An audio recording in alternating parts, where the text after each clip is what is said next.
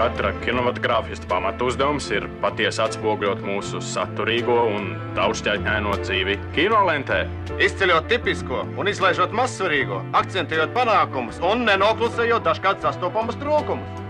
Balansējiet, nu godājiet vēseli inženieri starp pienākumu un varēšanu.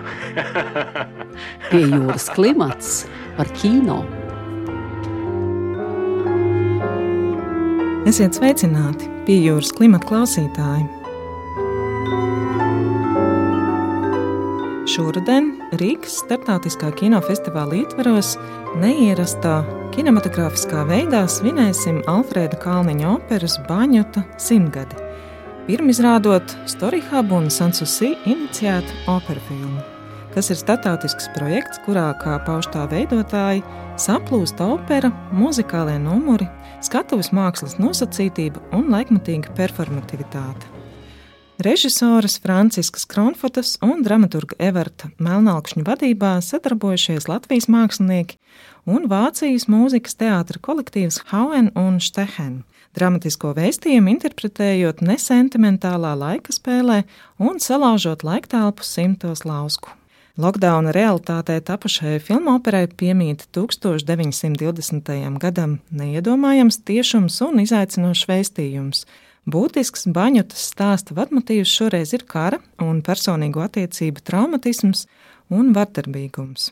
Baņota piedalījusies partizānu cīņās, nesot sev līdzi 20. gadsimta Austrumēropas kara darbībā cietušo sieviešu pieredzi brīvi pārvarot žanru robežas, laužot ceturto sienu un montāžas figūru loģiku, 2021. gada filmopera veidota gan asprātīgi, rādot nevis vienu, bet pat trīs baņotas, kā laikmatīgās varones, kas runā savu un aizgājušo pauģu vārdā.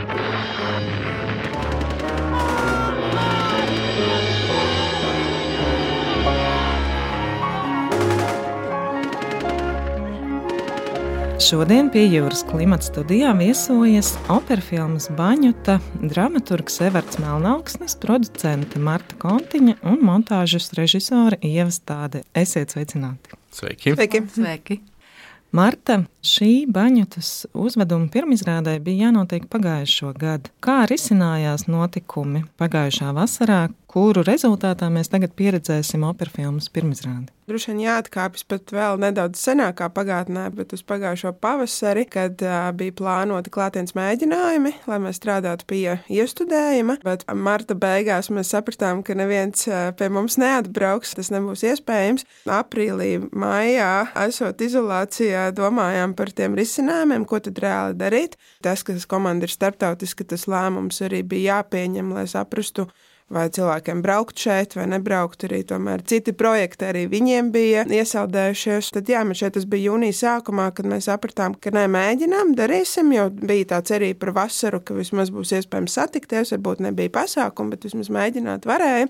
Tad tajā brīdī mēs arī nonācām pie idejas par to, ka varbūt vienlaicīgi iestudējumu veidošanai mēs varētu arī veidot audiovizuālu versiju filmai. Bija gan pa vidu arī joku versijas par 3D un virtuālo realitāti. Vēl nezinu, ko mēs tur apsvērām, bet beigās nonācām pie tāda klasiska formāta. Tad jūlijā, augustā paralēli notika mēģinājumi un arī filmēšana.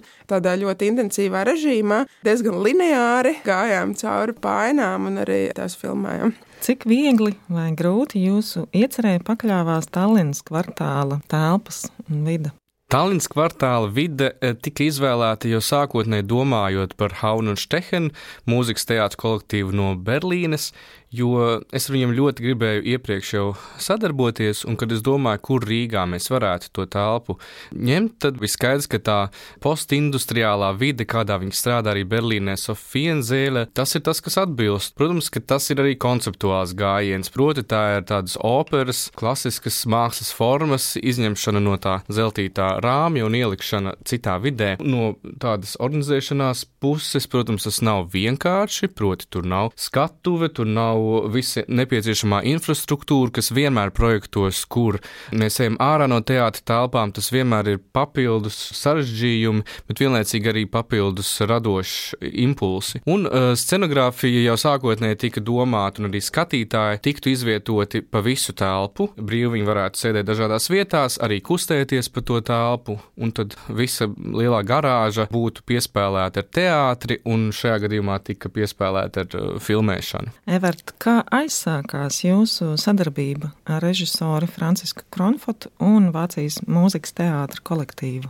Tad, kad man bija iespēja tādu lielāku projektu veidot, es vēlējos sadarboties tieši ar Francisku Kronfortu un viņas kolektīvu, kas jau desmit gadus strādā Berlīnē. Tās formas, kādā viņi strādā, tik tiešām lielākoties viņi ņem tādus klasiskus operu repertuāru darbus, un tad viņus pārinterpretē, liek kopā dažādās tās estētikas, ir ļoti, ļoti radoši, ļoti brīvi ar to materiālu strādā, kas, manuprāt, ļoti pietrūkst arī mums vispār pasaulē, bet arī Latvijā. Tā attieksme attieksme pret materiālu, kā materiālu, ko var darīt jebko, brīvi, nebaidoties, ka tevi tiesās. Tāpēc man gribējās viņus uzaicināt uz Rīgu, un tas ir izdevies. Jā. Jūsu īstenotā baņotas filmiskā forma izteikti atšķiras no uzfilmēta operas uzveduma. Kas bija jūsu iedvesmas avoti, un Everta, tu pētīji arī agrāk tapušas operas filmas? Jā, nu, runājot par tādu operu filmu vēsturi, manuprāt, tajā pavasarī, kad mēs domājam, ko lai dara, tas bija tāds joks. Es teicu, ka, jā, es esmu šur tur redzējis e, YouTube sanākus ierakstus, ir gan Melbalta, Karmena studijā filmēti. Nu, tas ir apmēram, lai saprastu to sajūtu, tie ir tādi kā 90. gadu televīzijas teātra iestudējumi, kur it kā ir studijā, it kā dabā, ļoti kičs, ļoti camp, tāda estētika parasti. Tad ir tāda krāsaina versija ar Edīti Gruberovu Kozifantute, piemēram, Bergmanam ir burju flauta arī zviedru valodā, ļoti amizants arī tāds vairāk tādā pasaku filmu estētikā. Nu, runājot par Latviju, mēs neesam pirmie, kas Latvijā uh, filmē opera filmas. Inga Pērkone ir grāmatā Inscenējuma realitāte rakstījusi, ka 1962, 63, 64 gadā uz Rīgas kino studiju atbrauca vadoša Krievu režijas grupa, kas Rīgā filmēja trīs opera filmas filmas. Tās visas bija krievu operu filmas, proti Čaikovska Jolanta, Rimska Korsakova Cara Līgava un pirmais bija Mocards un Saljērī. Un Rīgas kino studijā tā raksta Pērkons kundze, esot bijusi pat iecer varbūt kļūt par tādu operu filmu centru, bet kaut kā tā ideja nomira, un tā nu mēs esam tie, kas turpina šo neiedzīvojušos tradīciju, varētu tā teikt.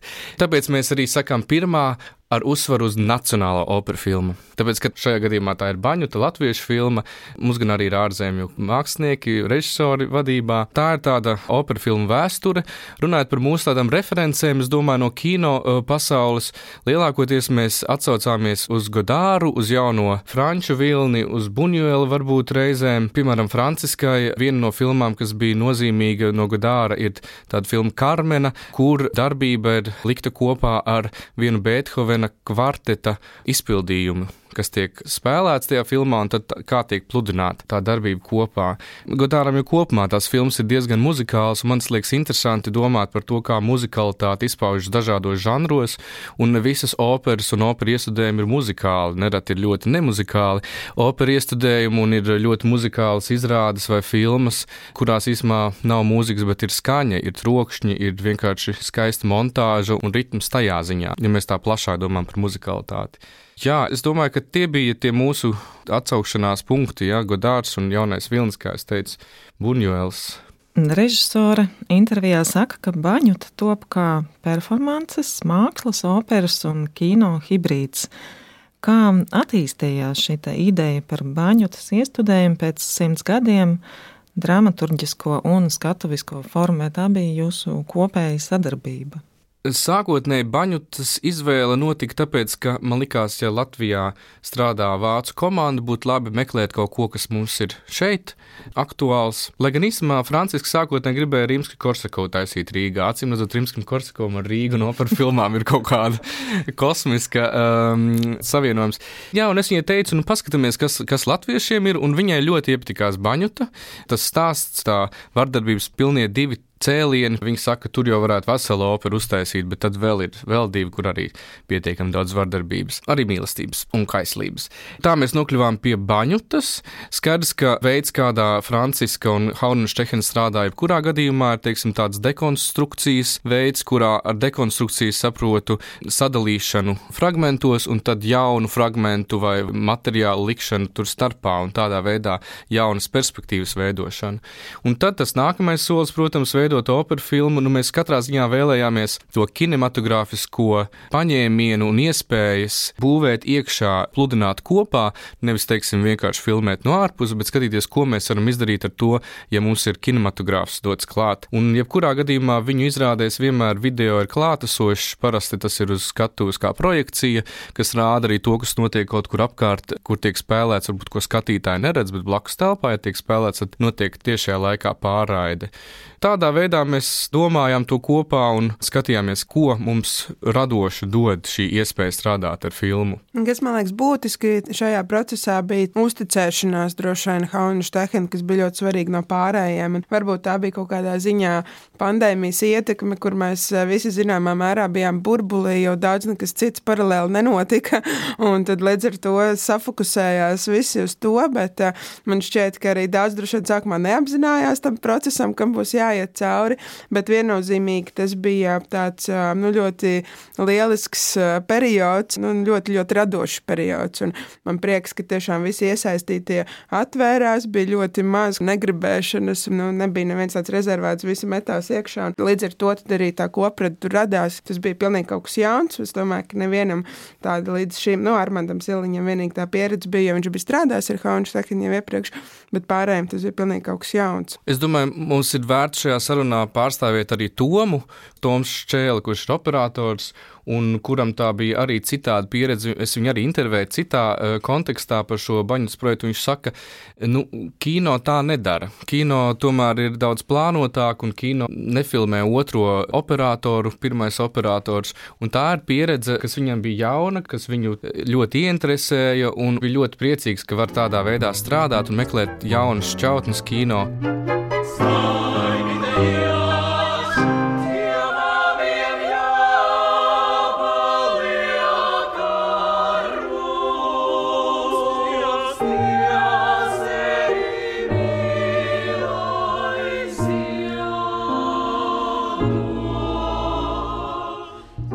Ieva, cik izaicinošs kopumā bija montāžas process, jo skatoties opera filmu, rodas iespējas par ārkārtīgi dinamisku kameras lietojumu? Nu, pirmo reizi, kad es ieraudzīju to materiālu, tas bija kaut kas tāds, ko es nebiju redzējis iepriekš. Jāsaka, es vairāk biju strādājis televīzijā un tādā jomā, televīzijas filmas vai televīzijas raidījumi kur pamatā tiekšanās ir uz skaistumu, viss ir uzlikts arī tā glīti un jauki, un, un te pēkšņi es ieraudzīju kaut ko pilnīgi citu. Man bija svešs teātris, man bija svešs franciskas darbs, nu, un es biju pārsteigts sākumā ļoti, bet es arī biju nenormāli ieinteresēta, jo tā galvenā, tā sarkanā gaismiņa, kāpēc es ļoti gribēju to darīt, bija Alfreds Kalniņš, un ka tā ir klasiskā mūzika, ka tā ir baņuta. Caur tam visam arī gāja tā montāža, un, vienkārši tas viss bija tik ļoti saistīts ar mūziku un klasiku, ka es pieņēmu šo spēli un mēģināju rast tajā to sasaisti un to kompromisu starp sevi, starp to, ko es it kā domāju, kā tam jābūt, un starp to, tagad, ko es ieraugu, ko, kas te ir atnests un kā tas izskatās. Un, uh, brīnišķīgi bija tā sadarbība arī ar Evartu, kurā sākumā viņš man stāsta visu šo stāstu, jo es šajā projektā piedalījos, pienācu tikai krietni vēlāk, kad jau viss safilmēts un jau sākti pirmie darbi. Un uh, kopā ar Evārtu es izgāju atkal visam tam cauri, sapratu, kas tas ir. Un mēs jau montējam, un jau darām, un tad ir nākamais vilnis. Tad ierodās režisora attālināti, protams, režisora Franciska, un tu vēl vairāk saproti, ka tas, nē, tas ies vēl tālāk, un tas ir vēl kaut kas trakāks, vai dažkārt tu nevari saprast, ko viņi ar to domājas, bet es ļoti priecājos, ka esmu tajā pieteikusies, un ka es esmu teikusi, jā, es ļoti priecājos, jo mūzika un šis jaunais skatījums ir kaut kas tāds ļoti foršs, kas ar mani pēdējā gadā ir noticis. Bet ko tas nozīmē montēt operu filmu? Vai jums bija jāsako primāri muzikālajam materiālam? Kas bija tie montāžas pieturspunkti? Montāžas tie galvenie pieturpunkti man noteikti bija mūzika, dziedātāju ārijas, Tas ir tas sākotnējais. Es arī pati nāku no klasiskās mūzikas ģimenes, man ir klasiskās mūzikas izglītības, beigusi mūzikas akadēmiju, un labs muzikāls gabals bija tas primārais, lai dziedātājs izklausās labi, forši tajā vietā. Tas ir tas sākums, un šeit nav tāds uzstādījums, ka tu esi uzlicis to operu uz skatuves, un, un tā arī viņi filmē, tāpēc ka šeit mēs skrienam viņiem pakaļ tiem dziedātājiem un notiek vairākas reizes, izmēģinam to fragment, to fragment, tad līdz ar to arī tā montāža ir dinamiska arī tajā, ka tu tu teikt, griez to ārī no ļoti daudziem fragmentiem, un tam ir jābūt ļoti plastiski jāskan kopā. Skatītājs nevar to dzirdēt. Līdz ar to tas bija liels darbs sagrīzt un sacekināt šo visu operu tādā vienā līnijā, kurā mēs neko nedzirdam no šī tehniskās puses. Jā, jo mēs jau rakstījām visu dzīvu skaņu. Tālens kvartālā tā nav varbūt eh, koncerta zāle. Tur ir savi izaicinājumi. Protams, arī projekts mums eh, no kino industrijas skatu punkta ir nevis vienkārši maz budžeta, bet mikro budžeta. Līdz ar to skaidrs, ka arī ar skaņas ierakstu bija savi izaicinājumi. Tajā brīdī, kad mums ir jāaptver tā milzīgā garāža, tas, ko jau izdarīt, tas ir vienkārši, prātam, neaptverami. bet vēl paturpināt par to struktūru, man liekas, ir svarīgi saprast, ka es kā no teātra nākošs cilvēks. Mēs ainas veidojam citādi. Es iemācījos montāžā, ka kino daudz ātrāk ir skaidrs, daudz ātrāk tev vajag nākamo kadru, nākamo bildi, daudz ātrāk tev arī apnīk. Jo nu, ir tā, ka klātesošs cilvēks spēj ar savu enerģiju un performativitāti paņemt uzmanību. Un mūsu gadījumā tomēr mēs nevaram nogriezt tad, kad mūs apnīk, tāpēc ka arī ir jānodzied līdz galam, un līdz ar to ievas uh, uzdevums tad ir vizuāli to āriju piepildīt, jo nostādīt un frontāli uh, filmēt ietekmēt, kā dziedātājs nodzied arī līdz galam, protams, nav interesanti. Un es domāju, tas ir milzīgs izaicinājums, ar ko Ieva neticami lieliski ir tikus galā. Jā, es domāju, ka es atceros visu šo pandēmijas laiku kā tādu baņu tas laiku, principā, jo sākotnēji mēs, protams, varējām mazliet ar Evertu pastrādāt kopā, bet tad jau sākās nopietnāki ierobežojumi un sākās arī attālinātā skola. Līdz ar to man personīgi, kā mammai, tas ir tāds attālinātā skola un blakus skanošā baņuta kliedzieni, elsas un šāvieni, ārprāts un mīlestība ir sagājis vienā tādā kopumā. Blakus ir matemātikas zūmiņš un šeit arī baņuta izdzied savus sāpes.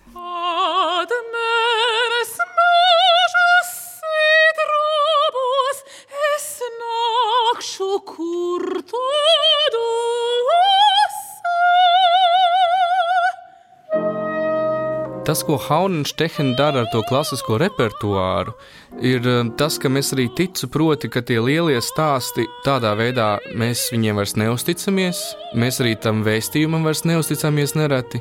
Mēs ņemam par jaunu, skatāmies, labi, šī opera ir iestudēta 20. gadā uh, un tapus neilgi pirms tam rakstīta, bet tomēr vēstījums ir par 19. gadsimta attiecībām, vērtībām un to, kā ir jābūt. Ja? Tad ir jautājums, ko no tā mēs ņemam un akceptējam, kas mums liekas interesants, ko mēs varam strādāt un kas ir tas, kam mēs nepiekrītam. Kāda cienījama kritiķa Facebookos rakstīja, ka vai tad nu tagad baņutas stāstā tiks ievīts arī MeToo tendences. Ziniet, man nevajag MeToo kustību, lai es redzētu, ka ja princis izvaro pirms stāsta sākuma, ja meiteni nogalina viņu, tad mums tā ir tēma, viņš nevar atgriezties savā dzimtajā zemē un tikt uztverts kā varonis. Nu, mums ar to ir jāstrādā. Un tās ir tās lietas, ar ko mēs eh, tematizējam un problematizējam, un tad tieši tā dekonstrukcija ir tas, kā to lielo vēstījumu, ko savulaik, manuprāt, uztvēra tieši nepastarpināti un principā akceptējot, mēs um, saskaldot dodot tās dažādas perspektīvas, un ne tikai tiešā stāstījumā, bet arī vizuāli, estētiski. Ja? Nu, mēs um, liekam skatītājiem vai ļaujam skatītājiem meklēt to savu ceļu, un pat ja viņš ik pa laikam kaut ko nesaprot, tas ir ok, jo operā jau tāpat ne jau vienmēr visu saprot, drīzāk nesaprot. Es domāju, tas ir arī operas vai mūzikas teātris tāds lielais pluss, ka ļoti daudz kas notiek emocionāli ar mūziku, un tad ir nu, kāds skatītājs kuģo šim vēstījumam cauri. Kad mēs sākām pētīt baņotas sižetu, mūs ļoti interesēja tas, kas ir noticis pirms operas tiešās darbības. Proti, baņota savā pirmajā ārijā stāsta, ka viņa ir izglābta no kara zonas, tātad darbība notiek mītiskajā leišu un latviešu pagātnē, ir bruņinieki, jā, dzelžos kalti vīri uzbruk viņas pilī, draud negods un nāve. Un mēs sākām strādāt ar to un jautāt, kāpēc, ko tas nozīmē, un vai tā nav atslēgus to, kāpēc operas darbībā šie varoņi nespēja atrast tādu veiksmīgu līdzās pastāvēšanu, arī rituāli, kas tur notiek, ļoti daudz rituālu un, un tādu mistisku zīmju, kas arī Franciskai uzrunāja pagāniskā pagātnē. Jā, tie jautājumi, kāpēc tie cilvēki tādi ir, mūsu atbildi lielā mērā tāpēc, ka viņi ir pirms šīs darbības traumatizēti, viņiem ir šī kara pieredze un ko tas nozīmē karš, ja tas ilgstoši ilgst. Mūsu versijā arī paņut ir partizāni, kas šajā karā piedalījusies, un arī viņas glābējs, šis princis Daumans arī ir bijis karā, un iespējams tāpēc arī viņš tāds dehumanizējies cilvēks. Un tas ir interesanti, manuprāt, ka mm, sarunās par šīm tēmām mēs aicinājām uz intervijām vēsturniekus Eriku Jēkabsonu, Vitu Zelči, runāt par 20. gadsimta pagātni, un daudz kas saslēdzās, un daudz ko mēs bijām tā teikt safantazējuši, viņi to atzina, ka vēsturiski lielā mērā tas tā arī notika. Nu pat mēs dzirdējām sarunu ar Martu Kontiņu, Ievu Stadi un Evertu Melnāksni. Radījumā skanēja Alfrēda Kalniņa mūzikas, Jākab Nīmaņa oranžijā fragmenti no operfilmas Baņuta. Pie jūras klimata vadīja Sonora Broka un Monteja Judīta Bērsiņa. Raidījums tapis ar valsts kultūra kapitāla fonda atbalstu.